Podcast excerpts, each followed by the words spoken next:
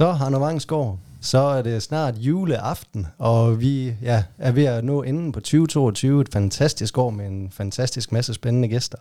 Og det kan vi i hvert fald også sige, at det er gæsten i dag også. Ja, det, øh, det kan vi. Og øh, vi kan jo faktisk ikke have en podcast om digital transformation, uden at snakke om noget af det, der er blevet talt rigtig meget om i nogle år nu. Øh, abonnementsforretninger. Nej. Og der har vi simpelthen været oppe på den øverste hylde, og vi har fundet en uh, gut, der hedder Jonas Jul Jeppesen, uh, som er partner og direktør på den ene eller på den anden måde, i hvert fald yes, i den uh, virksomhed, der hedder Subscribe. Mm-hmm. Men uh, velkommen til, Jonas. Kunne jeg ikke dig til måske lige selv at sætte et par ord på, hvad du er for en størrelse, og hvad det er for en virksomhed, I har? Jo, og tak skal I have begge to for, at jeg må være med her på øh, min formodet sidste arbejdsdag i 2022 øh, og tale omkring mit yndlingsemne, øh, abonnement. Og øh, Subscribe er jo en konsulentvirksomhed på 11 år, hvor vi er sådan en 16 abonnementstosser, som turer rundt til danske og norske, fordi vi, vi huserer i Danmark og i Norge, virksomheder, og øh, vil jo vildt gerne, at de hopper med på den store abonnementsbevægelse. Så øh, jeg tror, vi har måske hjulpet 250 virksomheder so far med at, at gå i abonnement, eller styrke deres abonnementsforretning. Vi har sådan flere forskellige måder at, at angribe det på, både et innovativt afsæt, men også et excellence afsæt. Så, mm. okay. Men før vi begynder at dykke ned i det, måske ja. skulle vi lige prøve at få etableret, når vi siger abonnement. Øh, hvad mener du, når du siger abonnement? Jamen så er det måske en, en måde at, at tilgå det på, det er jo, at det er forskellen fra, at du har en enkeltstående transaktion, til at du har et fortløbende engagement med din kunde, eller din abonnent, eller dit medlem, eller når det er FCK eller DBU, der har med abonnement at gøre, så er det jo, så er det jo fans. Så det er jo den her fortløbende forretningsmodel, den her relationsforretningsmodel, i modsætning til den transaktionsbaserede, enkelstående. Og øh, ja, det, det er måske sådan den helt grundlæggende forskel. Mm. Hvordan øh, ud af det der tolker jeg også, at der må være noget, hvor det handler om at skabe en win-win på begge sider af bordet. Altså hvis man kan det, så er det der engagement, øh, nu ved jeg ikke om binding er det rigtige ord øh, at bruge i den sammenhæng, men at der er noget ongoing, men det, det er helt okay, hvis der er en opfattet win-win på begge sider af bordet. Mm-hmm. Men hvordan lykkes man med at, at komme sådan et sted? Jeg synes, det er en meget fint at kalde det win-win. Og det er jo lige præcis, når der ikke er det, at abonnenterne de opsiger, de churner, som er jo sådan et, øh, et godt abonnementsbegreb, ikke? Churn. Men, øh, men, og jeg synes faktisk også, det er fint nok at tale om binding, men vi skal væk fra at tale binding på sådan et vilkårsniveau. Nu kommer jeg selv fra mediebranchen tidligere, hvor vi var 100 meter mester i at komme med nogle gode tilbud, og så var folk jo så bundet i 6 eller 12 måneder, indtil de, øh, til det der tilbud det så rendte ud, og så forhåbentlig, vi sagde ikke noget, vi gjorde ikke noget, vi håbede bare, at den her automatiske og den fortløbende model hjalp dem over på den fulde pris. Men, øh, det, og det er jo sådan lidt en destruktiv binding. Men hvis vi nu taler omkring binding i sådan et engagementsmæssigt perspektiv, at man faktisk føler sig ople- oplevet bundet af noget på en konstruktiv måde via et engagement. Vi sad lige, da vi sad og varmede op lige før, så øh, oplevede vi jo egentlig alle sammen, at vi er konstruktivt bundet til Spotify. Og det er vi jo fordi, at vi jo abonnerer på, øh, at Spotify lærer os bedre og bedre at kende, og vi sidder der og mundrer os over den her Spotify, den her rap, vi får hvert år, som de hele tiden forfiner, hvor vi virkelig kan mærke, at det er rigtigt nok, at deres algoritmer arbejder med os i forhold til hele tiden at præsentere os for noget musik, som er også vedkommende, altså hele den her personaliserede oplevelse. Mm. Og øh, der er vi konstruktivt øh, forbundet, og derfor er der jo en binding i spil. Det er også lidt apropos øh, den der Spotify Wrapped, så jeg lader mærke til, at der er rigtig mange, der deler den. Ja. Og, og Spotify har jo selvfølgelig, de er jo meget, meget øh, flinke mennesker, gjort det meget nemt at dele på sociale ja. medier. Er det jo pænt af dem? Ja, det synes jeg også. Ja. Det er meget sjovt det der med, at du rent faktisk tager noget, der i bund og grund er markedsføring, i bund og grund er måske en abonnementstaktik, og det går du ud og deler, fordi at du synes, det fortæller så meget om dig selv, eller det fremstiller dig selv det lys, du gerne vil øh, fremstilles i. Det er jo enormt stærkt, når man kan skabe så stærk en, øh, Øh, emotionel binding. Ja, vi, taler, vi, vi taler lidt omkring, at der er sådan nogle forskellige måder at binde på, eller så at forbinde på. Måske at forbinde bedre, for det lyder så, det kommer ud af sådan noget relationsbordet, ikke også? Men der er jo for eksempel den her sociale binding, den sociale forbindelse mellem mennesker. Hvis man får etableret det i sin abonnementsforretning, altså skaber et netværk, et community, nogle sociale bindinger, forbindelser, så er det virkelig, virkelig stærkt. Det oplever vi jo i Spotify, det oplever vi i for eksempel tjenester som Strava, hvis I kender sådan en, Mhm. en træningstjeneste. Ja. Det er jo, det er jo sprunget ud af, cykelverdenen, ikke? Også, og hele fitnessindustrien.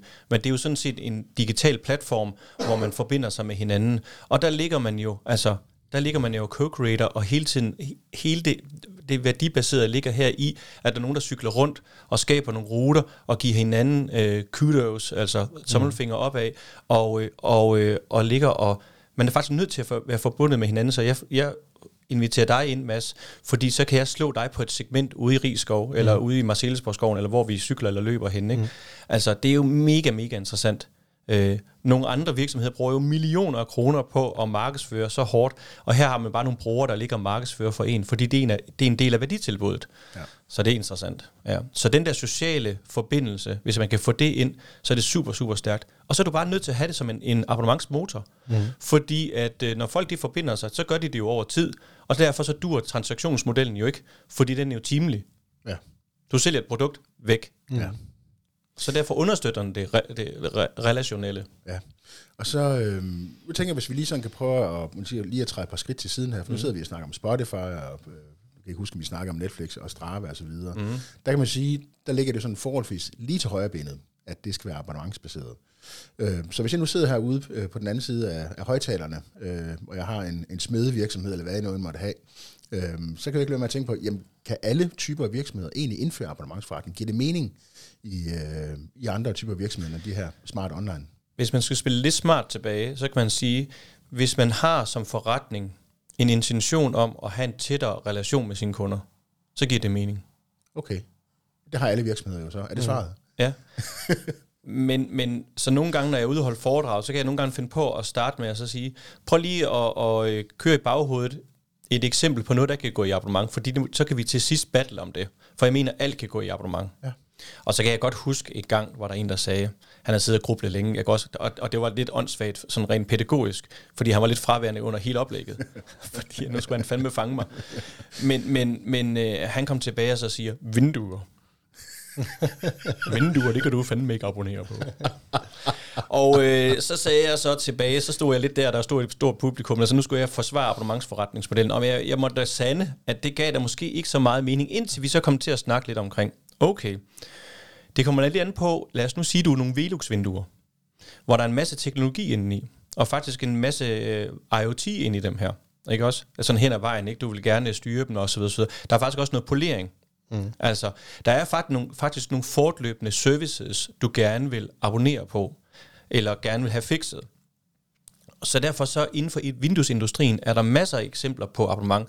Men om du lige præcis også skal abonnere på dem, altså ikke selv eje dem eksempelvis, mm. det er måske et godt spørgsmål. Der er i hvert fald de der services omkring vinduer, hvor der er masser af gode abonnementsmuligheder. Mm. Ja.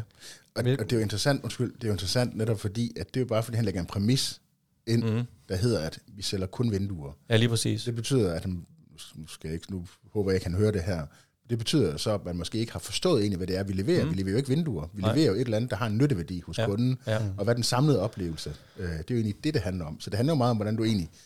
Ja, men tilbage til det, du siger, det er jo relationen til kunden. Ja. Det er, hvad er det egentlig for en værdi, ja. de får ud af vores mm. øh, en, en, en, en mega god snak, vi har med vores kunder, når vi har den her snak omkring, giver det mening, at vi sætter vores i abonnement? Det er jo egentlig bare at stille dem det spørgsmål. Hvad er det for en værdi, I gerne vil have, at kunderne, hvis jeg snakker med dem, siger, de over tid synes er fedt? Ja. Hvad abonnerer de på at udbytte over tid? Prøv at flytte dit fokus væk fra, at du sælger produkter, vinduer, til at, hvad siger kunderne? Det er det, det, det, du gør. Mm. Men hvad er det, kunderne siger? De abonnerer på, at de har Altså når man har vinduer, så har man jo, at man kan holde på varmen, samtidig med, at man kan kigge ud af sit hus. Ikke også? Øhm, så og det er et abonnement på, øh, på udsigt? Det er jo sådan set et abonnement på, på udsigt, uden, øh, uden for meget støj, ikke? og mm. du stadigvæk kan holde varmen, når, øh, når du gør det. Altså, der er en fortløbende værdi, så det er jo det der med, at hvis man kan oversætte sit værditilbud fra at være produktorienteret til at være udbytteorienteret, så flytter vi os også over på, hvad er det for et engagement, hvad er det for en relation, vi er i gang med at skabe. Mm. Og det er, jo det, det, er jo, det er jo, så er vi jo på kundesiden. Og så er vi lidt tilbage der i 80'erne og 90'erne, hvor der var den der kæmpe bevægelse fra produkter til, øh, til, kunde, altså til, til kundecentriske, ikke også? Øhm, men her, der giver det virkelig mening, at det sætter sig igennem, fordi her har vi en forretningsmodel, der faktisk understøtter det. Mm. Mm. Og, som, og som du faktisk øh, ikke lykkes med, hvis du ikke gør det kundecentrisk. Og det tror jeg hjælper mange virksomheder. Mm.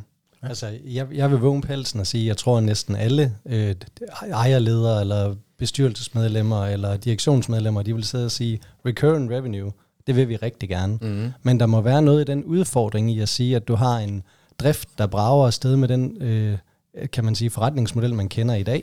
Mm. Og så er der en eller anden transformation over i noget nyt. Det Mm. behøver måske ikke at være gennemgribende. Det kan godt være et nyt revenue stream. Mm. Men hvordan får man tænkt sådan noget som en MVP mere? Altså, at der er lidt risikoafkast i det, der hænger sammen. Fordi lad os nu tage øh, en konsulentbæk, som vores har nu. At nu vil vi gerne ud og lave en masse digitale tools, øh, hvor at man egentlig bare kan gå ind som kunde, og så få adgang, og så giver man et eller andet fee for at kan gå ombord i det. Og alt det forarbejde, der ligger i at producere og choppe en masse content og få det lagt lækkert op, og hvis det først er der, man finder svaret på at sige, okay, det havde faktisk ikke helt den flyvehøjde, man havde håbet på, så er der en kæmpe stor øh, indgangsbarriere, eller hvad man skal sige. Det lige må der være for mange andre, hvor at det kan godt være i yderste instans, man kan se, at der er et potentiale, hvis man når derhen, men der er også et kalkuleret bet, man virkelig skal tage. Er, er der så nogle gode initielle skridt, man kan tage, hvor man får sig løbet lidt i gang, og så kan man bygge mere og mere på, eller hvordan? For det første, så er det fuldstændig rigtigt, at det, det, kræver, det kræver ofte, øh, at man har øh, pengebeholdningen. altså, der er en god pengebeholdning. Og de gode eksempler, det er især inden for hardware. Fordi at, øh, lad os nu tage et, øh, et simpelt eksempel. I har jo godt set nede i Aarhus øh, Midtby og i København og i Nordeuropa, der cykler der sådan nogle cykler rundt med blot forhjul. Det er jo abonnementscykler fra Swapfeeds, og man betaler 199 kroner om måneden. Og det gør alle de her abonnenter så. Og så har de fået nogle elcykler, de er noget dyre og så videre, så videre. Og de har jo haft ekstrem fart. De er jo oppe på over 300.000 abonnenter nu Er det rigtigt? ja, øh, i Nordeuropa. Alene i Uh. København 20.000, i, altså nede i Amsterdam 50.000, og det er jo imponerende. Mm-hmm. Men I kan godt se på bagsiden, øh, så kræver det jo en investering af en anden verden. Mm. Fordi abonnenterne betaler 199, inklusive moms, ikke også? Og øh, de har købt en cykel, eller fa- fabrikeret en cykel til flere tusind kroner, Mm. ikke også? Øh, så selvfølgelig er det kæmpe stor drift, fordi de samme cykler, det er jo sådan lidt det sjove ved det, er de samme cykler, men alligevel, de, sta- de starter jo med at grave et hul i jorden, hver gang der er en abonnent, der træder ind ad døren. Mm. Ja. Det vil sige, at det kræver kæmpe, kæmpe, kæmpe investering. Og øh, det, er jo, det er jo i hvert fald en barriere, der vil noget. Mm. Så derfor så fraholder det jo også mange fra bare lige pludselig at lave det skifte. Mm. Vi kan jo godt huske, har nu vi mødte jo hinanden for første gang øh, for, jeg ved ikke, 6, 7, 8, det ved jeg efterhånden ikke, øh, ude i, retning, ja. i, i, en stor, i en stor retail-butik. Jamen, vi må gerne sige Selling Group højt. Ja, dengang hed det jo bare Dansk Supermarked, ikke? Ja, det er rigtigt. Altså, al ære og respekt for nogle af Danmarks bedste købmænd. Men, øh, men øh, vi, vi strugglede, eller vi snakkede omkring det der med at sætte ting i abonnement i dansk supermarked på det tidspunkt der. Og jeg kan godt forstå, at øh, altså enten var vi, det kan også godt bare være, at jeg var dårlig sælger, men det, der skulle i hvert fald nogle møder til, før at det ligesom, altså det gav mening at prøve at starte en pilotprojekt op, og på det tidspunkt der, så startede vi så, efter, efter adskillige møder, så startede vi så ideen omkring det her øh, øko, økologi i abonnement op, altså Øko Føtex, Plus, eller hvad? Øko Plus, som Ja. de har lukket igen. Ja. Øhm, og det, det har jeg jo gået og ærget mig helt vildt meget over. Men jeg kan huske sådan i starten, så, øh, så var det faktisk ikke særlig svært at sælge det her til, til kunderne ude i butikkerne. Altså de synes da sådan set, det var meget smart. På det tidspunkt, der var der sådan noget med, med nogle økolørdage. Ikke? Så det grundlæggende koncept, det var, hey kære venner, i stedet for at vi kun kan hver 6. uge kan få 25% øh, øh, rabat på økologi, kan vi ikke bare betale 100 kroner om måneden, og så er der økolørdage hver dag. Ikke? Det var grundideen. Det synes vi egentlig lød mega smart. Og så kunne vi også bruge det trinbræt, der var, de der økolørdage. Og vi skulle egentlig bare holde fast i de der økolørdage ved 6. uge. Men dem, der ikke kunne styre sig, de kunne få lov til at betale 100 kroner om måneden, og så kunne de konvertere alle dage til økolørdage. Altså, så er der øko mandag og så videre, så videre, så. Altid 25% rabat. Kunderne, altså når vi lavede nogle undersøgelser og krattede i det, så synes de, det gav mega god mening. Men på, altså, så på det ydre marked, kunderne, god mening. På det indre marked, der var der modstand. Og det kan jeg godt forstå. Fordi det der med lige at høvle 25% af nogle i forvejen beskedende, øh, hvad hedder det, dækningsgrader, det går en alder. Og det er jo fordi hele kulturen går jo på at trimme og optimere på den næste transaktion. Mm. Ikke også? Ja. Og man laver bonganalyser herfra til man dør. Ikke? Ja. Og går ned og kigger på, okay, hvor meget har vi tjent på den her transaktion? Og så kommer der sådan nogle idioter ind ad døren og så siger, dækningsgrad, det er sådan en sekundær KPI. Det er jo fuldstændig vanvittigt at sige, ikke? Dækningsgrad er en sekundær KPI. Den centrale KPI i jeres forretning, det er customer lifetime value. Præcis. Og det vil sige, kære dansk supermarked, eller kære hvem det nu kan være, lad nu være med at, at ligge trim på den enkelte dækningsgrad.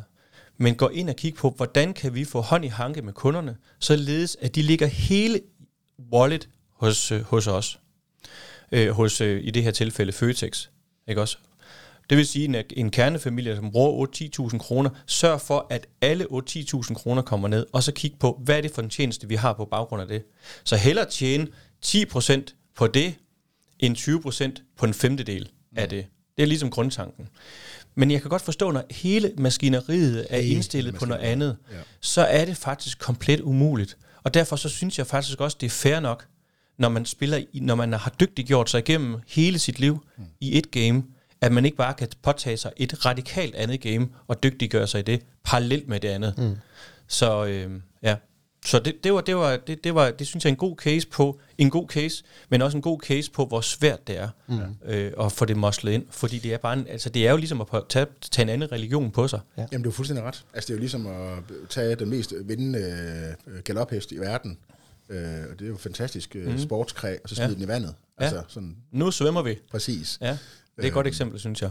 Ja. Hvad hedder det? øhm, Men jeg tror også, det kan måske prøve at dykke lidt mere ned i. Øh, Du nævnte også lige for lidt siden, det der med, at øh, det, du, du, får en, du bliver nødt til at have en anden tilgang i dit arbejde med kunderne, når du flytter fra noget transak, øh, transaktionelt mm-hmm. til noget øh, engagement ja, lige præcis. Ja, hvad hedder det? Engagement hedder det jo vist nok også på dansk. ja det staves lidt på samme ja, ja. måde. Ja, ja. Øhm, så jeg tænker også, der må være en eller anden form for kompleksitet i, at hele det der, hvad hedder det, øhm, hele værdikæden, når du så laver for eksempel Økoplus, der er noget med butikkerne, der er noget markedsføring, der er indkøb, og altså det må på en eller anden måde influere meget bredere ud, end blot, at nu har vi den her øh, kundeklub, Økoplus, og så skal vi egentlig i gåsøjne bare markedsføre den, så kører det. Så, Mm. så kunne der ikke også være en eller anden kompleksitet der, som er en del af forklaringen på det? Hele kompleksiteten starter i, at øh, for den transak- transaktionsbaserede købmand er jobbet gjort, når kunden har købt varen. Ja. Og det er først der, at jobbet starter for abonnementskøbmanden. Ja. Og det betyder, at lige så snart, at, at øh, abonnementskøbmanden har registreret, at nu er kunden kommet indenfor, så skal vi jo til at skabe engagement. Så skal vi til fortløbende at sikre, at vedkommende får værdi, og oplever en højere værdi end det der månedlige fee, eksempelvis. Ikke? Mm. Øh, og det betyder, at man skal på det ude hos øh, i Føtex eksempelvis, der, noget, noget af det, jeg synes, jeg synes, der var meget sjovt lavet, og så lidt gamification-agtigt, det var, at vi lavede sådan en, en, en ting, hvor du hver måned, eller inde i tjenesten, kunne du gå ind og se, hvor meget har jeg fortløbende sparet de sidste 30 dage. Fordi du hele tiden skulle holde hus med, at du har sparet mere end de, end de jeg tror det kom til at, det var også lidt en ting, de, de, kunne ikke, de magte ikke 25 procent, så det blev kun 20 procent. Og så, så fair nok, så var det ikke 100 kroner, men, men 80 kroner. Men det betød bare, at hele springbrættet for, for økolørdagene forsvandt. Ja. altså fuldstændig. Så vi kan ikke bruge det springbræt, fordi... Så, nå. Men, men, men øhm, du kunne gå ind som kunde og så se, eller abonnent, og så se, okay, nu har jeg faktisk sparet 155 kroner, og det har jeg brugt 80 kroner på at spare. Det giver god mening, jeg fortsætter. Og der gik faktisk lidt hamstring i den, på en konstruktiv måde, ikke? Fordi man magtede jo ikke som kunde at begynde at købe øko, øh, et eller andet honning over i Rema, fordi man vidste jo, over på den anden side af gaden får man 20 procent, og det betalte man faktisk for, for man havde de der, vi kalder for, for gyldne abonnementshåndjern mm. på, ikke? Så din krop gik automatisk over i Føtex, ikke? Men der skulle mere til.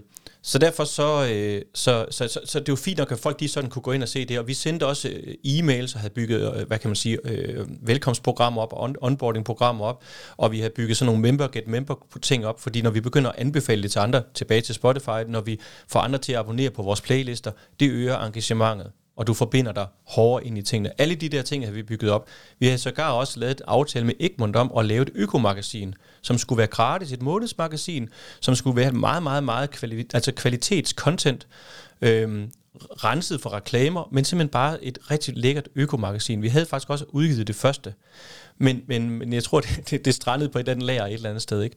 Fordi vi var, vi var ikke klar, eller øh, koncernen var ikke klar til at lave det movement. Alt det besvær med at lave magasiner, en helvedes masse e-mails, øh, lave engagementer. Vi, vi, der var masser af events, der skulle være afholdt i de, link, i de enkelte forretninger. Det var der ikke manpower til, eller perspektiv til øh, derude. Så skulle vi, der kommer ny belgisk øl, øh, som er økologisk. Lad os da lige få nogen ned og prøve smage den for, for members only, og så videre, så videre. Altså et kæmpe arrangement, ikke også? Så, så på en eller anden måde kan man sige, at det måske landede lidt, øh, du brugte ordet MVP før, Minimum Viable Product, Altså noget, man kan gå ud og teste af. Et, mm. et, et, et rigtigt koncept, man kan gå ud og teste af på mm. kunderne, mm. men ikke noget, der er rullet fuldt ud. Så måske landede det, måske, måske landede det et sted mellem en MVP, og så egentlig noget, der var tænkt som fuldt udrullet. Ja. Ja, som var sådan en form for gråzone derimellem. Ja, ja. Kunne man, så, kunne man have, bare nu bare lige mm. nysgerrighed, kan man lave for eksempel nu bruger vi det her eksempel, nu skal vi, også, vi skal også lige væk fra Selling Group igen. Ja, ja. Jeg kan godt høre, du har meget på hjerte i forhold til det. Jamen, den, den, den, øh, den, det er en spændende case. Ja, ja. Øhm, og en mega spændende virksomhed. Vil man kunne lave sådan et, koncept der som et, som, en, som et MVP, som en prototype, som man holder lidt under radaren? som man, man sige, så, hvor det måske ikke kræver så stor engagement ja, fordi, på tværs fordi af jeg tror, der hvor vi fejlede, og det, det er jo også på vores side, det var, jeg tror, vi skulle have lykkes med det her, og lavet en best case i øh, Føtex Jøring eller et eller andet. Ja hvad ved jeg, eller ude mm. i Holme, det er ikke der alt bliver testet første gang, øh, min egen Føtex. Altså, jeg tror, vi skulle have lykkes med at lave en best practice case, mm. ikke? Det vil sige, at vi skulle have øh, investeret i, at der var nogen, der fik lov til at gøre det, der skulle til, og det fik de faktisk, øh, hvad kan man sige, opbakning til. Ja. Så den der brede udrulning, og det er bare sådan, altså også for en anden, altså det er også internt, det der med, at der var en anden afdeling, der har fundet på noget på vegne af, af mm. formatet Føtex. Altså, det var simpelthen bare født forkert. Ja. Altså, så, så, så, så den, så på det indre marked var der ikke engagement i det. Nej. Der var ikke lyst til det. Og det kan jeg denne dume godt forstå. Ja.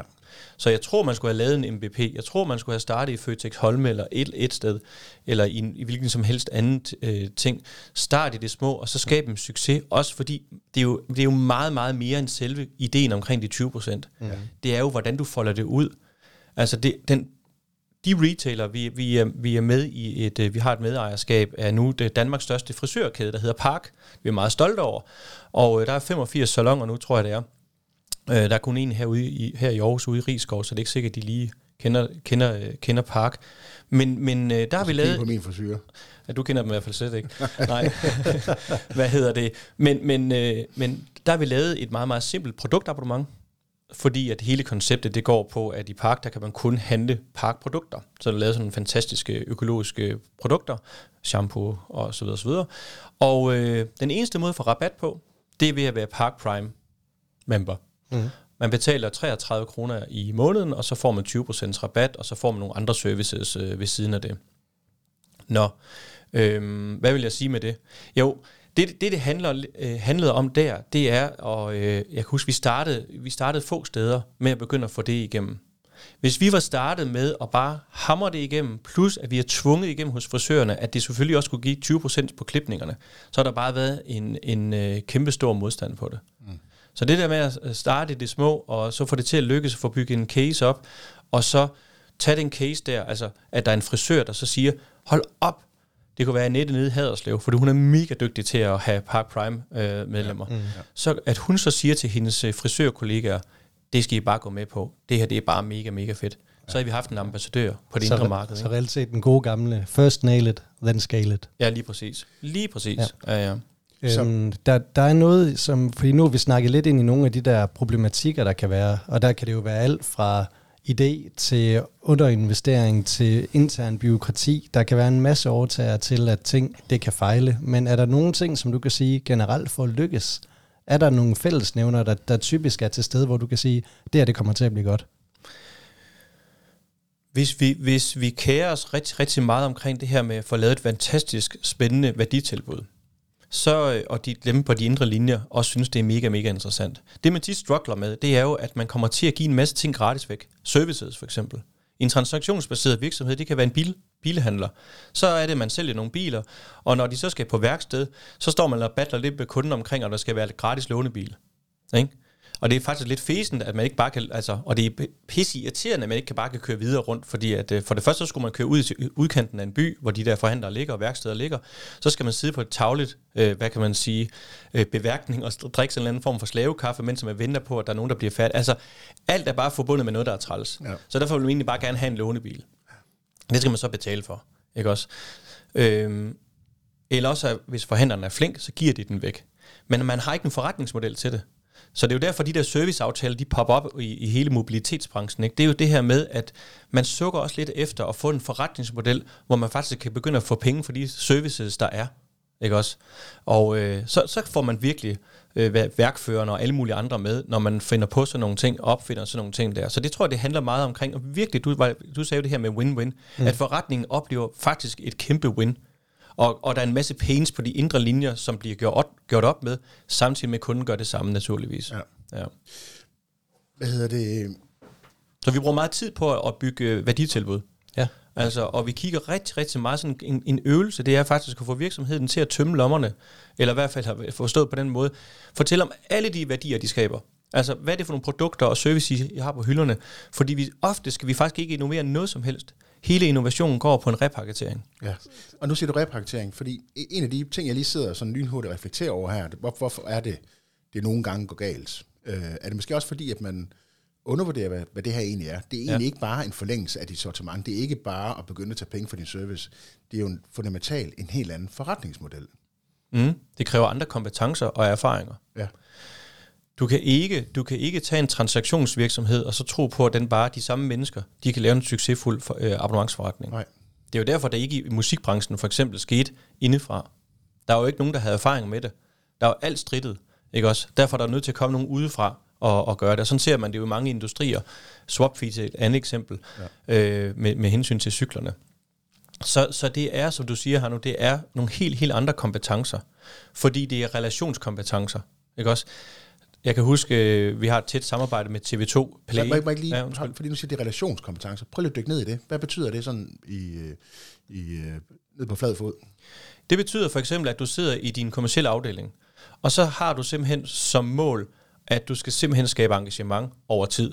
Det vil sige, du sidder, man sidder og diskuterer, okay, hvordan skal vi de næste, altså hvordan ser vores seks ugers velkomstprogram ud?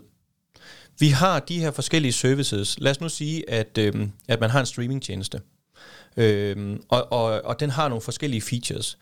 Og øh, for eksempel en, en, en streamingtjeneste som Spotify. Man skal jo ligesom lære som abonnent at lytte til musik. Det kan man nok godt finde ud af. Men man skal også lære at søge rundt i det. Man skal lære at begynde at lave playlister. Man skal lære at dele det med nogle andre. Der er mange ting, du skal lære. Der er mange mm. features, du skal oplæres i. Så man tager tit og ofte alle de der ting, man gerne vil, og så gør man det faktisk ligesom en, øh, en skolelærer gør. Ja. Man går ind og så siger, okay, vi har det her pensum. Det der med at tro, at vi på dag 1 kan hælde hele pensum i hovedet på eleverne, det, det, det lærer de ikke en skid af. Mm. Så er vi nødt til at lige at starte med, hvis endemålet det er andengradsligninger, så starter vi lige med noget helt, helt andet basic til at starte med, for at ende derop. Så man bygger faktisk sådan et didak- didaktisk forløb mm. op, Ja. et lærende forløb op. Og, øh, og, det, og det er jo sådan nogle skolelæreragtige kompetencer, for at gøre det lidt banalt, Ja. som, øh, som jo er ret unikke mm. i forhold til bare, øh, hvad kan man sige, lave tavleundervisning, hvor du bare hælder det hele i eleverne, og så går igen. Ja. Ikke også? Øhm, der er helt sikkert en masse lyttere derude, der sidder med et latent behov i forhold til gerne at være i gang med en abonnementsmodel. Mm. Kunne man måske prøve at bløde den op og så sige, dem der har gået og har lidt indsigt i, der har lyst til at prøve, hvor- hvordan kommer man godt i gang? Man skal lige starte med at sta- svare på det her spørgsmål. Hvad er det for en værdi, som abonnenten gerne vil abonnere på over tid? Mm. Og, øh, og, og når man ligesom har fået det på plads, hvis vi nu skulle tage et eksempel, øh, nu tager vi for, for nemhedens skyld, fordi vi alle sammen har lært at cykle, mm. og vi har alle sammen erfaring med at købe en cykel. Men forskellen på at købe en cykel til at abonnere på en cykel, det er, at du abonnerer på kan man sige, fri, fleksibel mobilitet. Ikke? Så du køber ikke en cykel, du abonnerer på mobilitet. Okay, så vores værditilbud, det går på mobilitet. Det vil sige, så kigger vi så på, hvad ligger der så i det? Det vil sige, hver gang der sker noget, så skal det være mega nemt at få den repareret. Okay, vi bygger en tjeneste, hvor man bare kan gå ind og trykke på punkteret forhjul. Ikke også? Og så servicen er inden for 24 timer, så er den så lappet. Altså, så man bygger, man bygger det der værditilbud op. Hvad er det for nogle job pains and gains, vi arbejder med på mm. kundesiden? Hvad er det for nogle pain relievers, gain creators, vi har med at gøre? Fordi det er lige præcis det, som man abonnerer på. Mm. Og så har man jo så produkter og services, som understøtter det. Jeps.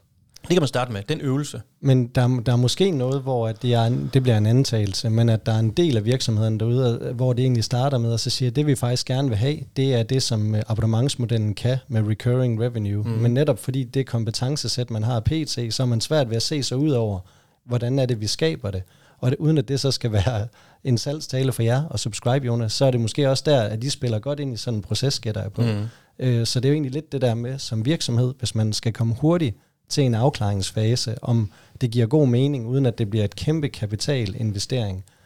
Hvordan er det så, at der potentielt set kunne være et par løb? Det, forlængelse af det, så kan vi jo lige prøve at snakke lidt uh, better banner, så just casen bagefter, mm. hvor der selv har været noget, hvor det, det har været det samme, at de har været inde og løse et ønske om uh, for vores side, hvor jeg jo har en bestyrelsesrolle mm. øh, om at skabe en abonnementsmodeller også for ejer Claus, mm. men hvor de kommer ind og er løsning på, at der er de der rigtig gode spørgsmål ned i en abonnementsvertikal, som vi ikke havde været i stand til at stille os selv.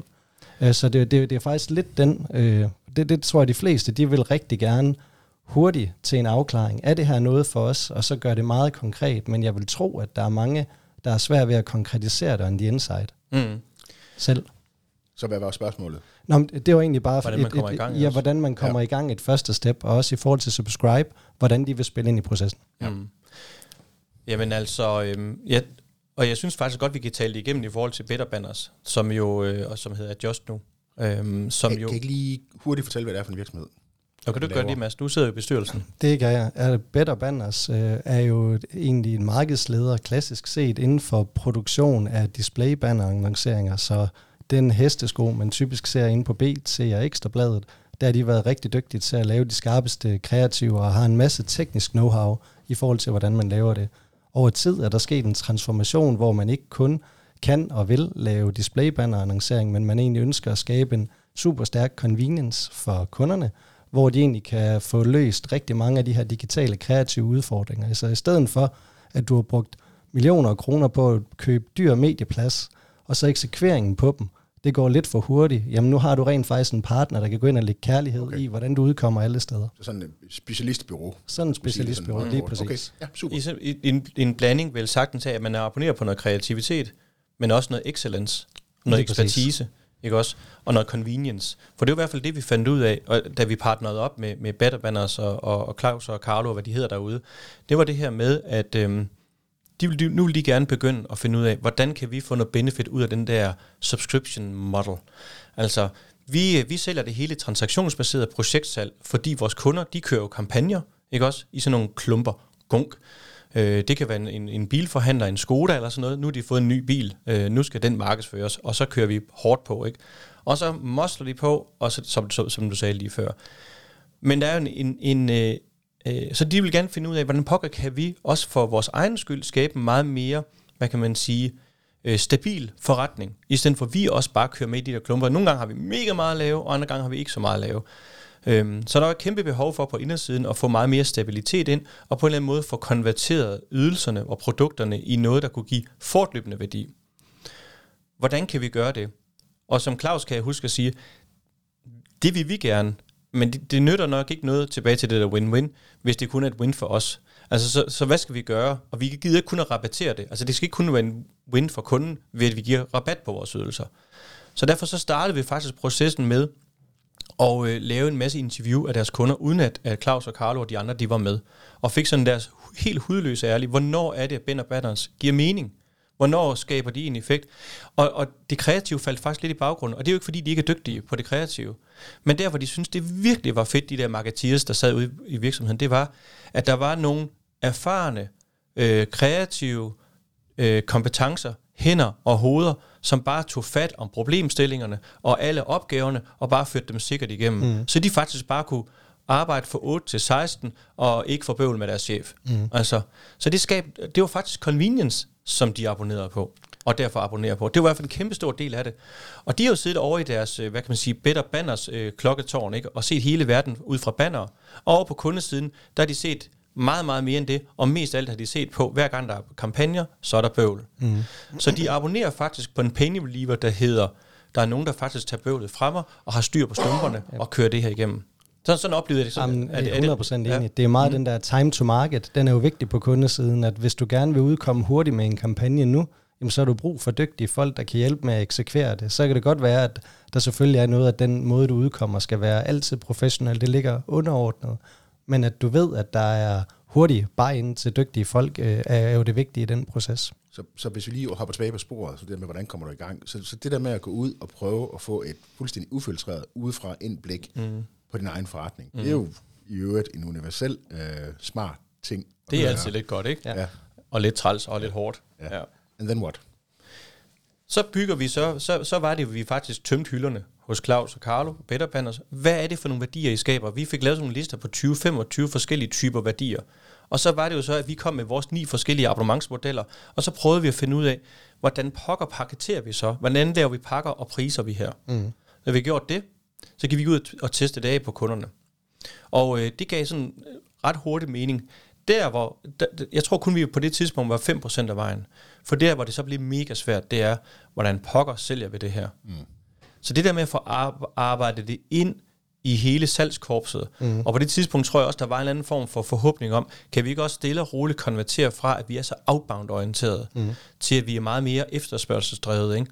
Så det er jo også en del af det, de prøver at tage deres egen medicin. Ikke? Det er lidt mærkeligt, at vi er så dygtige til på en eller anden måde at lave digital marketing, og så sidder vi bare med phoner og prøver at ringe kunderne ned, til de siger ja. altså de, er, de er også på, en, på sådan en, en rejse der. Men hold fast, hvor var det svært. Og det er bare svært, og det kender jeg også fra min egen forretning. Altså det er bare svært. Så, så man skal også bare lige anerkende, at bare fordi du har nu fået paketeret og prissat din, dit værditilbud, og måske også fået lagt det på din side, eller whatever du nu har gjort, mm-hmm. så det der med at få det moslet ind i hele øh, forretningen. Ja. På det tidspunkt der blev der også så øh, ansat sådan en Customer Success Manager. Det vil sige, når, når sælgeren så havde, hvad kan man sige, solgt til kunden, så tog øh, hun så over, der, jeg kan ikke huske, hvad hun hedder, hun tog så over, og så skulle hun faktisk køre en onboarding af hele kunden, således at de begyndte at få glæde af de forskellige features, der nu var i abonnementet. Så det, så det var for eksempel det her med, at man begynder også at rekruttere kompetencer ind, som er anderledes. Øh, der var lige en ting her, nu jeg lige får lyst til at sige. Det, det er bare at se on the inside. Der, den dag i dag er det jo blevet forretningskritisk og står for en rigtig stor del af forretningen for nu i dag er Just. Mm-hmm. Øhm, og jo mere, at vi taler om det faktisk nu, går det op for mig, at øh, også for et produktionsmæssigt synspunkt. Altså så førhen, der var det jo en transaktion eller projektsalgsforretning. Mm. Og det gør, at det her beslag på produktionskapaciteterne, dem der skulle sidde og udvikle kreativerne, super volatilt i mm. takt med, hvordan projektsalget kommer ind. Mm. Men i takt med, at du bygger det mere som en abonnementsforretning og win-win, så bliver det meget nemmere at rampe op efter, hvad det er for nogle opgaver, der ligger. Så kunden altid ved, at uagtet hvad det er for et tidspunkt, det man kommer til at have behovet, og det kommer til at opstå, så er man sikker på, at man ligesom er bemandet efter, at man kan løse præcis mm. den opgave mm. til, til UG. Ikke? Ja, lige præcis. Ja. Jeg sidder, fordi nu siger det der med, så ansat, vi en, eller så ansat de en Customer Success Manager. Jeg sidder bare lige og tænker, hvis man som kunde, øh, før bliver ringet op af en sælger, der vil sælge mig noget, nu bliver jeg rent faktisk ringet op af en, der skal hjælpe mig med at få succes. Det er jo, mm. det er jo faktisk en helt vild øh, anden vinkel på det. Mm. Jeg tænker også i forhold til, hvordan jeg bliver mødt som kunde. Mm. Det er jo helt vildt, hvad det mm. gør i forskning på, hvordan jeg ser på den virksomhed mm. her. Ikke? Hvis, man, hvis man så også lever op til det, det er jo klart, det, ja. det er det, man ja. skal. Ja. Og det tror jeg også, at, at, at kunderne sætter pris på. Vi diskuterede meget, skal det være den samme? Altså er det ikke irriterende for kunderne, at de bliver ringet op af Mads, supersælger Mads, og så får han mig, øh, hvad kan man sige, solgt det her abonnement, og så, så er der en ny, man så skal til at forholde sig til, der hedder Hanu, mm. som så skal hjælpe mig ombord. Men det er faktisk vidt forskellige kompetencer. Ja. Så det er faktisk fint nok, selvom det er lidt en irritation på kundesiden, man skal til at lære en ny at kende. Ja. Så derfor så laver man ofte det, at man siger, når supersælger Mads er ved at være færdig, så har Hanu lige med på møderne, og forstår kunden, og så tager over. Så man laver sådan en glidende overgang mm. på tingene. Det gør vi faktisk også selv hvor jeg er sådan lidt af, af, af sælgertypen og får nogle projekter ombord. Og så vores projektleder har jeg så med ud, som så tager over på, på kunden og sørger for, at projektet og, og, og det fortløbende samarbejde bliver en succes. Det er mega, mega vigtigt. Ja. Og der kan man jo godt diskutere i, i de der almindelige retail-forretninger, transaktionsbaserede, hvem har egentlig ansvaret for, at kunden fortløbende bliver taget i hånden og oplever succes? Ja. Mm. Og, det, og det gør en, altså en gigantisk forskel. Nu, øh, jeg skulle lige huske, hvad det var, jeg, øh, jeg har referencen fra. Øh, men ved siden af mit øh, dagjob, øh, jeg er jo ikke fuldtids podcaster, trods alt, øh, ved siden af mit dagjob, der har min kone og jeg en forretning sammen, hvor vi sælger noget, sådan nogle skinjakker og skintøj. Det er egentlig hendes forretning, så hjælper jeg så lidt til med al den inkompetence, jeg nu kan proppe ind i projektet. øh, og der har vi så begyndt at lave sådan noget live shopping, øh, mm. hvor vi så har abonneret på den platform, der hedder Elisa. Aha. Og jeg kan huske, at jeg så ud, det er sådan en platform, du går ind, og så kan man sige, når du kører det der live streaming øh, på Facebook, så kan kunderne gå ind og sige, ja tak, øh, nummer 108 og så genererer den, øh, genererer den automatisk en øh, indkøbskurve, som man så kan bestille efterfølgende. Og jeg kan huske, da jeg startede med at kigge på det, så var det for mig, der var det egentlig bare et stykke teknologi, der kunne løse et konkret problem. Men da vi så ligesom, øh, hvad hedder det, signede op til det, så var der sådan en success, eller customer success manager, der rykkede ind på banen. Og det er sjovt, det var, det var sådan, jeg sad helt med den der følelse af, at det er næsten for meget. Du hjælper mig næsten for meget. Jeg blev sådan helt mm. flov over, hvor meget tid de brugte på mig. Men det, men, det, men det er helt vildt, men nu er I forbundet, øh, ikke? Er du så færdig? Mm. Og det er sjovt, for jeg kan bare ringe til, nu kan jeg ikke lige huske, hvad hun hedder, ikke også? Mm. Jeg kan bare ringe til, og jeg føler virkelig, at jeg har ja, ja. en uh, næsten... Du kommer ikke til at skifte den platform ud lige Nej, med det første. det gør jeg ikke. Nej. Øhm, og, det, og det er også tit, især når man køber tools, jeg, jeg er fuldstændig tool freak, jeg køber mm. alt muligt skræmmende, der skal hjælpe med alt muligt produktivitet, øhm, Og så ender jeg med at bruge mere, på. og så ender jeg med at bruge mere tid på at lære, og lære det at kende, end den tid, det sparer mig. Øhm, men, men, men der er jo rigtig mange, der er jo rigtig mange øh, eller der, der kan være store barriere, når du går ind i et eller andet nyt, is- især når det er teknologi. Og der er det bare det, der gør hele forskellen. Mm. Altså, så, så det, det der customer success, og rent faktisk udleve det, ikke bare sige det, fordi enhver mm. sælger siger jo, enhver direktør siger, at vi er kundecentrisk, og kunden er i centrum, alt det der jada jada. Mm. Øh, som regel er det øh, løgn i virkeligheden, mm. hvad man tror. Men, men, men det er faktisk løgn i virkeligheden, fordi at øh, den transaktionsbaserede øh, forretningsmodel tvinger dig faktisk til at Ja. ikke have kunden i centrum. Fordi noget af det, som kunden gerne vil, som du lige oplever der, det er service. Men service, det koster. Så hvis du udøver en service på en transaktion, så, så falder du på dit primære KPI-dækningsgrad. Ja. Ikke? Det vil sige, at forretningsmodellen transaktion modarbejder dig i forhold til din strategi om customer centric. Det er fuldstændig rigtigt. Og det vil sige, at du har sådan set bygget en strategi op. Vi, vores strategi det er, at vi skal have tættere relationer med vores kunder. Vi sælger produkter. De to ting, de vil ødelægge. De ødelægger hinanden. De understøtter ikke hinanden. De står sådan set bare og modarbejder hinanden. Ja. Og, og et, et godt eksempel på det, i øvrigt, øh, jeg skulle købe nogle sneakers på Boost en dag, og så havde jeg fundet nogle Adidas, der kostede 270 kroner på et eller andet supertilbud, bare sådan nogle hvide sneakers. Dem hapser jeg. og så startede ellers en, en sjov proces. Fordi for det første, så fik jeg at vide, at jeg kunne ikke lægge en ordre på under 300 kroner, mm-hmm. selvom jeg skulle betale på fragten. Og det blev jeg simpelthen så træt af. Jeg tænkte, okay, men så købte jeg et par sokker eller et eller andet, så jeg lige kom over de der 300. Så kom skoene frem, og så var det ene snørbånd klippet halvt over. Og så tænkte jeg, nå, skal jeg til bøvl med det? Så bare princip, bøvl med det. Men så bare princip, så skrev jeg tilbage. Prøv at jeg har modtaget de her sneakers, og det ene snørbånd er klippet over, og jeg har et billede af det. Så kom der en formular tilbage. Gå ind på den her hjemmeside og udfyld og opsend billeder, og du skal tage fem billeder fra fem forskellige vinkler, og så videre, ikke også? Og så videre, så videre. Mm. Så det er bare sådan en super øv øh, oplevelse. Og der sidder jeg også som en kunde, sige, eller undskyld, jeg sidder som kunde mm. med en virksomhed, som virkelig optimerer på transaktionen. Mm. Øh, og de skræmmer mig langt, langt, langt væk. Så er det godt, du er en rigtig tålmodig mand, Horn. men men, men øh, jeg, jeg tænker lidt, altså, altså det, det, kongeeksemplet på, hvor dybt en transaktionsforretning kan grave, ikke? altså hvor meget i helvede man kan bringe sig selv, det er jo Black Friday. Ja, Det er jo noget, fanden har skabt. ja. Og, øh, og øh, vi, vi, vi besluttede for det i Park, altså den her frisørkoncern, øh, at øh, Black Friday, det vil vi gerne, men det er kun for medlemmer. Ja, Fordi det er da fuldstændig vanvittigt, at man har nogle medlemmer, som betaler 33 kroner om måneden, hvis så Black Friday til Gud og hver mand. Det er ligesom at pisse dem op og ned af ryggen. Mm. Og det var lidt en hård en at komme igennem med. Heldigvis havde vi den samme omsætning i år på Black Friday, som sidste år, hvor det var for alle. Og øh, det var rigtig, rigtig fedt. På indersiden af det her, vil jeg, altså, det handler meget også om, når man har med sådan en masse indehaver at gøre i sådan en franchise-koncept, det er, hvordan skaber vi de rigtige incitamenter til, at det her det nu giver mening. Fordi når man er transaktionskøbmand, og så lige barberer 20% af, af sin shampoo-salg osv., så det gør jo lidt en alder. Men vi har simpelthen besluttet os for det, at øh, vi tager i, i, i hoved, på, på, på hoved, Park Styling, som det ho- hovedbrandet hedder, der tager vi abonnementsfide på de 33 kroner, inklusive moms, og så betaler vi frisørerne, altså indehaverne, betaler vi rabatten. Det vil sige, de får faktisk, altså det bliver endnu mere lukrativt for dem. De får lov til at give 20%, men de har den samme dækningsbidrag på transaktionen. Og det, det koster altså ikke dem noget, når de så kører Black Friday to for en, altså så tjener de jo styrtende penge, mm. ikke? fordi de, nu kan de bare give den gas. Og det, det har vi bare fundet ud af. De er per natur mere kortsigtet, og det er fair nok. De skal ud, og de skal bare skralde igennem. Øh, og det skal de have fred og ro til, mm. og det er de dygtige til. Og så tager vi, hvad kan man sige, så tager vi, betaler vi, at de kan gøre det, mod at vi så får abonnementsfede. Og det har vi faktisk fundet ud af, at det er en win-win-win situation. Ja, ja. Kunderne, kan vi se, det der faktisk sker, det er fuldstændig vanvittigt. Kunderne køber en faktor 3 i snit, når de går fra almindelig kunde til prime-kunden. De shopper simpelthen tre gange så mange produkter. Mm. De begynder at hamstre, ikke? hamsterklipning. Nej, det er så ikke klipninger, det, okay. det, det, fordi det er kun produkterne. Ja, Men, men Ja, ja, de ja, holder jo op med at købe på Nice her. ja. De holder jo op med at købe nede i Føtex. Fordi det giver jo ikke mening at betale 33 kroner til en tjeneste, hvor man får 20% på shampoo, og så købe det et andet sted. Det gør ondt i kroppen ja. at gøre det. Det svarer til, at du har et abonnement på en fitnesskæde, og så får du lige lyst til at træne et andet sted. Mm. Det sker jo ikke. Altså, det, det, det vil gøre vold på din natur. Ja. Måske vil det gøre vold i, i, i det hele taget at gå i fitness, men, men altså dem, der så trods alt går op i fitness. Ikke? Øhm, men, men, men og det er der, hvor man, hvor man har skabt, hvad kan man sige, den ultimative loyalitet, det er, at kunden, uden at tænke sig om, shopper hos dig. Ja. Du vil faktisk tage kunden ud af markedet. De er ikke påvirkningsmulige for andre. Nej.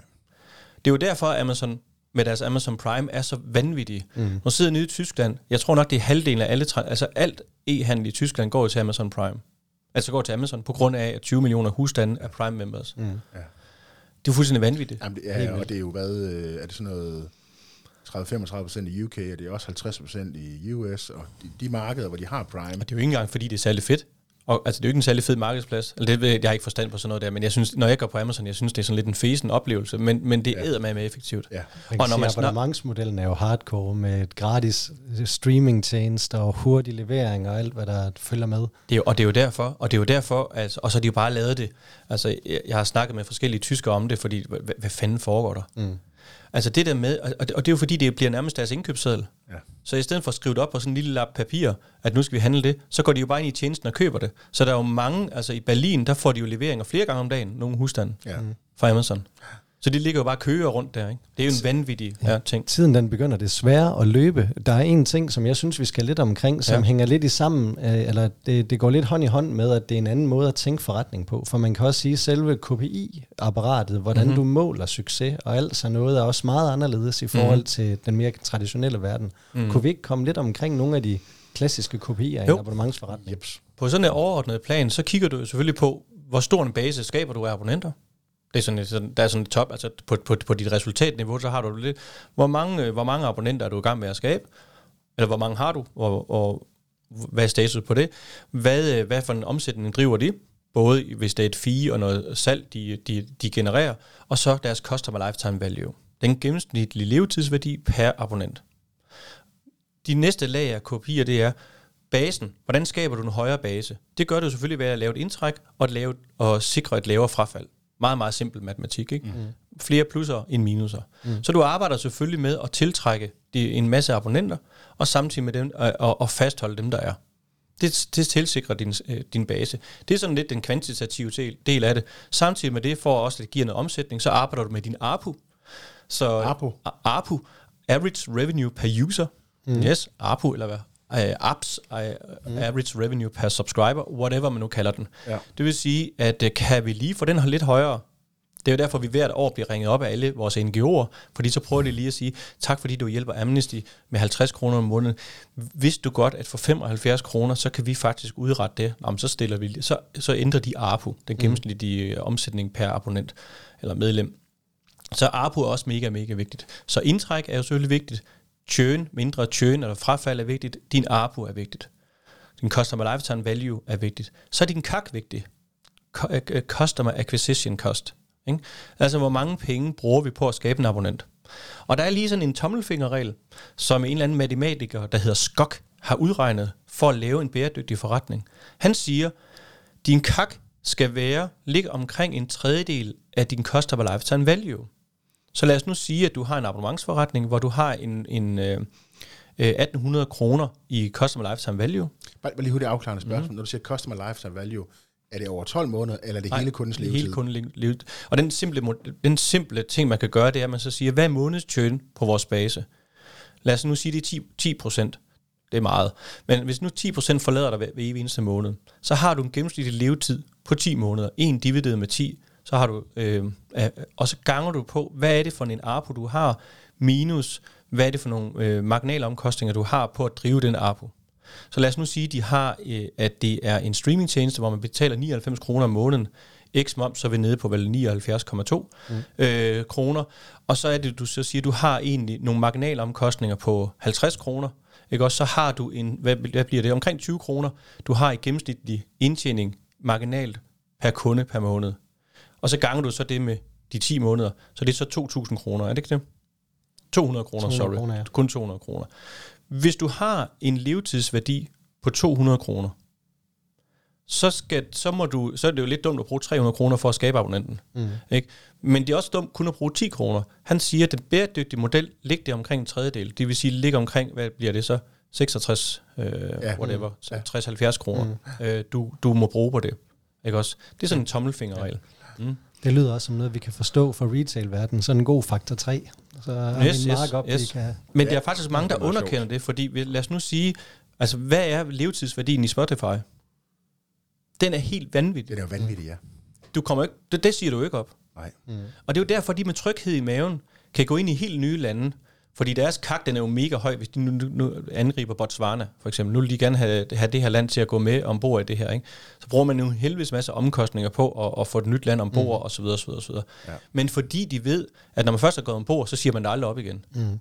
Så har de jo en, en, en customer lifetime value, som, som går mod himlen. Ja. Så det der med at bruge 2, 3, 4.000 kroner på at skabe en abonnent, det er jo ikke tosset. Men for en, for en transaktionskøbmand, så er vedkommende ved at falde ned af stolen. Og det er måske også det, der skete ude i dansk supermarked.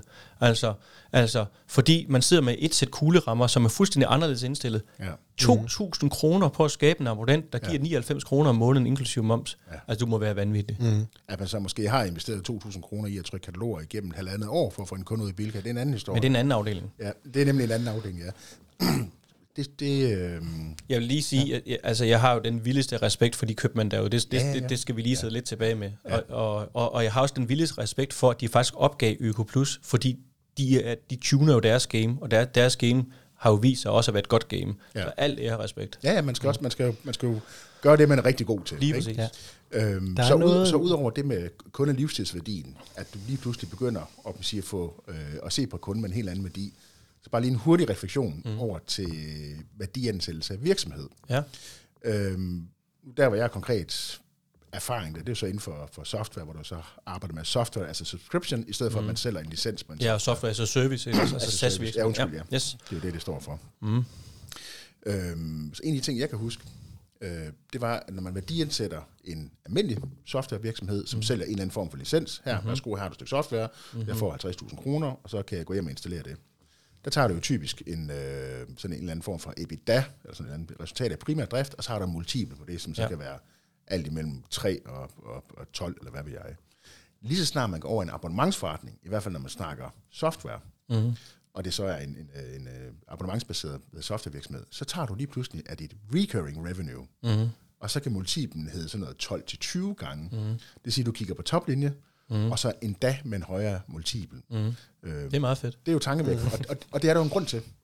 Ja, det er jo netop fordi, at du, kan sige, at du har en helt anden, en helt anden udsyn, en helt anden tidshorisont i din måde at navigere virksomheden på. Du kan tillade dig for eksempel at investere 1000 kroner i at få en kunde, mm. fordi du ved, at din livstidsværdi er 5000 kroner, eller den skal så lande på 3000, kan jeg forstå. Mm. Øhm, så der er, også, der er noget der, hvis man sidder som virksomhedsejer, øhm, der er noget der, man lige skal forholde sig til, at det er, altså, det er ikke kun matematikken i det, eller undskyld, det er ikke kun øh, det der med at blive mere kunderettet, der ligger en anden værdiskabelse for kapitalejerne i Ja, at tænke ja, og der ligger en anden matematik i det. Ja. Øh, og, og så lidt tilbage til det, det her snak omkring MVP. Fordi man kan så sige, hvis man så går i gang med det her, kan man så først efter 20 år se, om det har skabt værdi? Det, det, det har man jo ikke tålmodighed til. Men der kan man faktisk godt allerede på de første par måneder se nogle indikationer af, hvad bliver customer lifetime value. Fordi man går ind og laver sådan nogle churn-profiler. Så man går, i, man går i for eksempel i luften med et meget, meget simpelt produkt. Ja. For eksempel i stedet for, at man skal eje sit eget skintøj, så abonnerer man på skin, din kones, øh, hvad hedder det, kærestes øh, Kone. øh, kones, øh, ja tak, øh, hvad hedder det, um, virksomhed, ikke? Ja. så prøver man kræfter med det. Hvis man kan se, at der er faktisk ikke nogen, der tjener den første måned, og heller ikke den anden måned, så kan man faktisk godt begynde at have nogle indikationer af, hvordan bliver ens tjønprofil. Øhm, og så tro på, jamen sådan her vil det faktisk forblive. Og så måske også med nogle interviewer af kunderne, hvordan oplever de værditilbuddet osv. osv., osv. Så du kan faktisk allerede efter et par måneder estimere, hvad customer lifetime value er. Ja.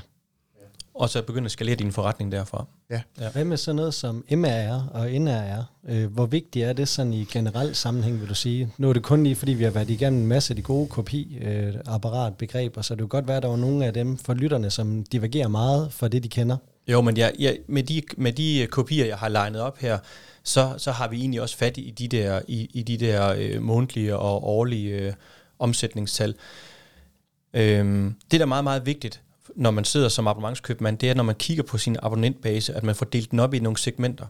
Fordi hvis man bare står og kigger på, at vi har øh, 80.000 medlemmer her, så kan det være meget, meget svært at anskue, hvad skal vi så gøre nu?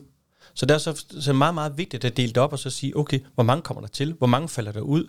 Kan vi dele det op endnu en gang, så sige, hvis det for eksempel er månedsbetalinger, så dele det op i, hvor mange overlever fra første måned til anden måned, anden måned til tredje måned, og hvordan fordeler det sig? Mm. Så man går ned i sådan nogle segmenter, og segmenter kan jo selvfølgelig være sådan nogle tidsmæssige segmenter, hvor længe mm. har de haft abonnementet. Det kan også være nogle, hvad kan man sige, nogle i brugstagningssegmenter, engagementssegmenter. De abonnenter, som bruger vores tjeneste så meget, hvordan, ud, hvordan arter de sig? Dem, der bruger det så meget, hvordan arter de sig? Mm. Det er ikke altid nødvendigt, at, øh, at, man, at man sådan skal bare slå hårdt ind med noget fastholdelsesindsats, fordi man ikke bruger det ret meget. For der skal man egentlig kigge på det enkelte segment. Hvis man er nogen, der ikke hører ret meget musik, men bare synes, det er fedt at have adgang til det, så er det først den dag, de ændrer adfærd meget, øh, at man skal være opmærksom. Så lad os nu sige, at jeg, jeg har hørt et par timer om, om måneden, og du har nu du hørt 20 timer. Hvis du falder fra 20 til 10, og jeg falder fra og bare bliver på mine to, så kan man godt intuitivt tænke, at vi skal lige være opmærksom på Jonas, han hører jo ikke en skid. Men jeg hører altså bare det samme. Ja. Men du, faldet, du har faktisk faldet fra 20 til 10. Der sker et eller andet med dig. Hvad pokker er det? Er du begyndt at finde dine gamle CD'er og LP'er frem, eller hvad sker der? Så vi skal faktisk være opmærksom på det. Så man kigger meget mere på adfærdsændringer, skift i adfærd, fordi det er det der churn øh, drivers her. Ja. Ja. Yes. Okay. Mm. Vi skal næsten til at wrap lidt op, men før vi gør det, øhm, fordi jeg sidder med en bog her foran mig, som er skrevet af din partner i Subscribe, det hedder The Subscription Movement. Yes. Det er helt religiøst. Ja, ja, præcis, men det er det også. Det er det også lidt, ja. ja. Er det en, man kan Den få, kan man godt få, få nallerne i. Man kan, man, hvis man ikke rigtig gider den i bogform, øh, man, må, man må meget gerne skrive til os, få den tilsendt. Øh, hvor mange lytter har I egentlig? Nå, men, øh, men, men, men det må man gerne. Øh, så skriver man bare øh, øh, til os, og det finder man hurtigt ind på vores hjemmeside. Men, men øh, vi har den faktisk også indtalt. Ja. Og, øh, yes, og hvis man synes, at det er interessant at høre endnu mere, så parallelt med den her fremragende podcast, så har jeg også en podcast, der hedder Subscription Talks, så kan man høre lidt mere om det. Jeg tror, vi smider lige på links øh, hvad hedder det, i show notes yep, øh, til det, så kan folk gå ind og finde det. det Fordi det er altså det er vi, nu har vi, kun vi har faktisk kun lige krasset lidt i overfladen her for at afdække nogle overskrifter. Men ligesom med alt andet, især når man snakker noget med det digitalt, når man begynder at dobbeltklikke på tingene eller krasse på tingene, så vælter det op med, man sige, med, med nye måder, man skal forholde sig til tingene på, øh, nye kompetencer, der er behov for osv. Men jeg synes, at øh, uanset om man vil en abonnementsforretning eller ej, så det at prøve at forstå, hvad er det for nogle mekanikker, hvad er det for nogle mm, dynamikker, mm, og især mm. det der med at, at, at få det reelle kundecentriske øh, tilgang til, til sine kunder, mm. at så ligger der sindssygt meget brugbar viden fra abonnement, som man kan bruge på sin forretning i morgen, øh, hvis man lader sig, inspirere, lader sig inspirere af det. Så derfor en kæmpe opfordring til lige at gå ind og tjekke øh, mm. Jonas mm, og ja, subscribe ud, og nyhedsbrev og podcast, vi ellers har. Fordi jeg følger jeres nyhedsbrev. Jeg har jo ikke en abonnementsforretning. Men, men du ved, jeg får lige plukket, øh, hver eneste gang, der lige er et nyhedsbrev, så får jeg lige plukket en tanke eller en refleksion, fordi at det per automatik er enormt kundecentreret, øh, når man arbejder med abonnement. Og lige her på falderæbet, synes, at dig og din kone skulle overveje, om man skulle sætte de, de her skinprodukter på abonnement. Fordi ja. der er en bæredygtighedsvinkel, vi nu måske lige kunne runde af på. Ja. Produkter, vi abonnerer på, lever længere end dem, vi køber. Hvad mener du med det? Det, jeg mener med det, det er, at det er lidt en sjovt, et sjovt fænomen, fordi man skulle lidt tro på det, det man bare har, har, har adgang til, eller låner, eller lejer, det passer man ikke så godt på. Nej. Men det viser sig faktisk, at når, øh, altså, og, og, og i et bæredygtigt perspektiv, så handler det lidt omkring, hvordan pokker kan vi få meget mere øh, produktlevetid, i stedet for at vi hele tiden skal producere nyt. Ikke? Så hvad er den rigtige model i forhold til det? Og det viser sig, at det er meget sjovt, at når man abonnerer på produkter, så har så har øh, virksomheden jo faktisk den her pain i forhold til at, at reparere det og holde det ved lige. Og det betyder, at når for eksempel swapfeeds, de, de er faktisk nødt til at lave cyklerne ordentligt, så de går i stykker, fordi de bærer en kæmpe kost, når cyklen punkterer. Så derfor så punkterer de faktisk ikke i samme grad som, som cykel, en cykel nede for cykelhandleren. Fordi han har faktisk lavet den sådan, den punkterer. For han har et incitament til, at han skal reparere den, fordi det er der, han tjener penge. Ja. Så der er langt, det, det ser man, der er langt mere levetid i abonnementsprodukter end i transaktionsprodukter. Og, øh, og det taler ind i bæredygtighedsmæssige øh, ting. Så derfor så kunne det jo være, i stedet for at man skal eje sine egne skinprodukter, så abonnerer man bare på dem. Fordi hvis jeg så er færdig med den her pels af en eller anden art, øh, eller ikke lige mig, jeg er nok ikke lige kerne målgruppen, men en kvinde er færdig, min kone er færdig med det, så kan hun aflevere den tilbage og måske få en anden, og så kan den komme ud og leve et andet sted.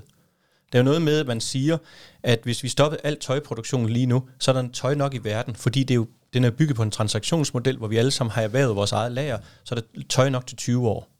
Ikke? Wow. Så hvis ja. vi skal komme lidt det til livs, så er vi faktisk nødt til at få gang i at, at få udnyttet de, det tøj, der allerede er produceret. Så det er bare lige til, til dig og konen. Det Måske er, så gå i det er abonnement. noteret. Jamen, Ja, øh, tusind tak. Værsgo. on that note, så må vi vel øh, desværre også hellere til at runde af for dagens afsnit, og det har simpelthen været en fornøjelse, at du vil være med, Jonas. Så det Og i lige været, måde. Vi har været vidt omkring, Tak men på den gode måde. Så tusind tak, fordi du ville komme øh, ja, i studiet og være Selv. med. Også tusind tak, tak til dig, Hanno. For Tusind tak til dig, 2022. Mads. Det har været en fornøjelse, og jeg glæder mig til at vende stærkt tilbage i 2023. Og Jeg så, har allerede et, øh, et spændende line-up klar. det må man sige, det må man sige. Det må vi hellere lade være med at tease for alt for hurtigt. Ja, Men øh, til alle jer derude, glædelig jul, og så ses vi på den anden side. Rigtig glædelig jul.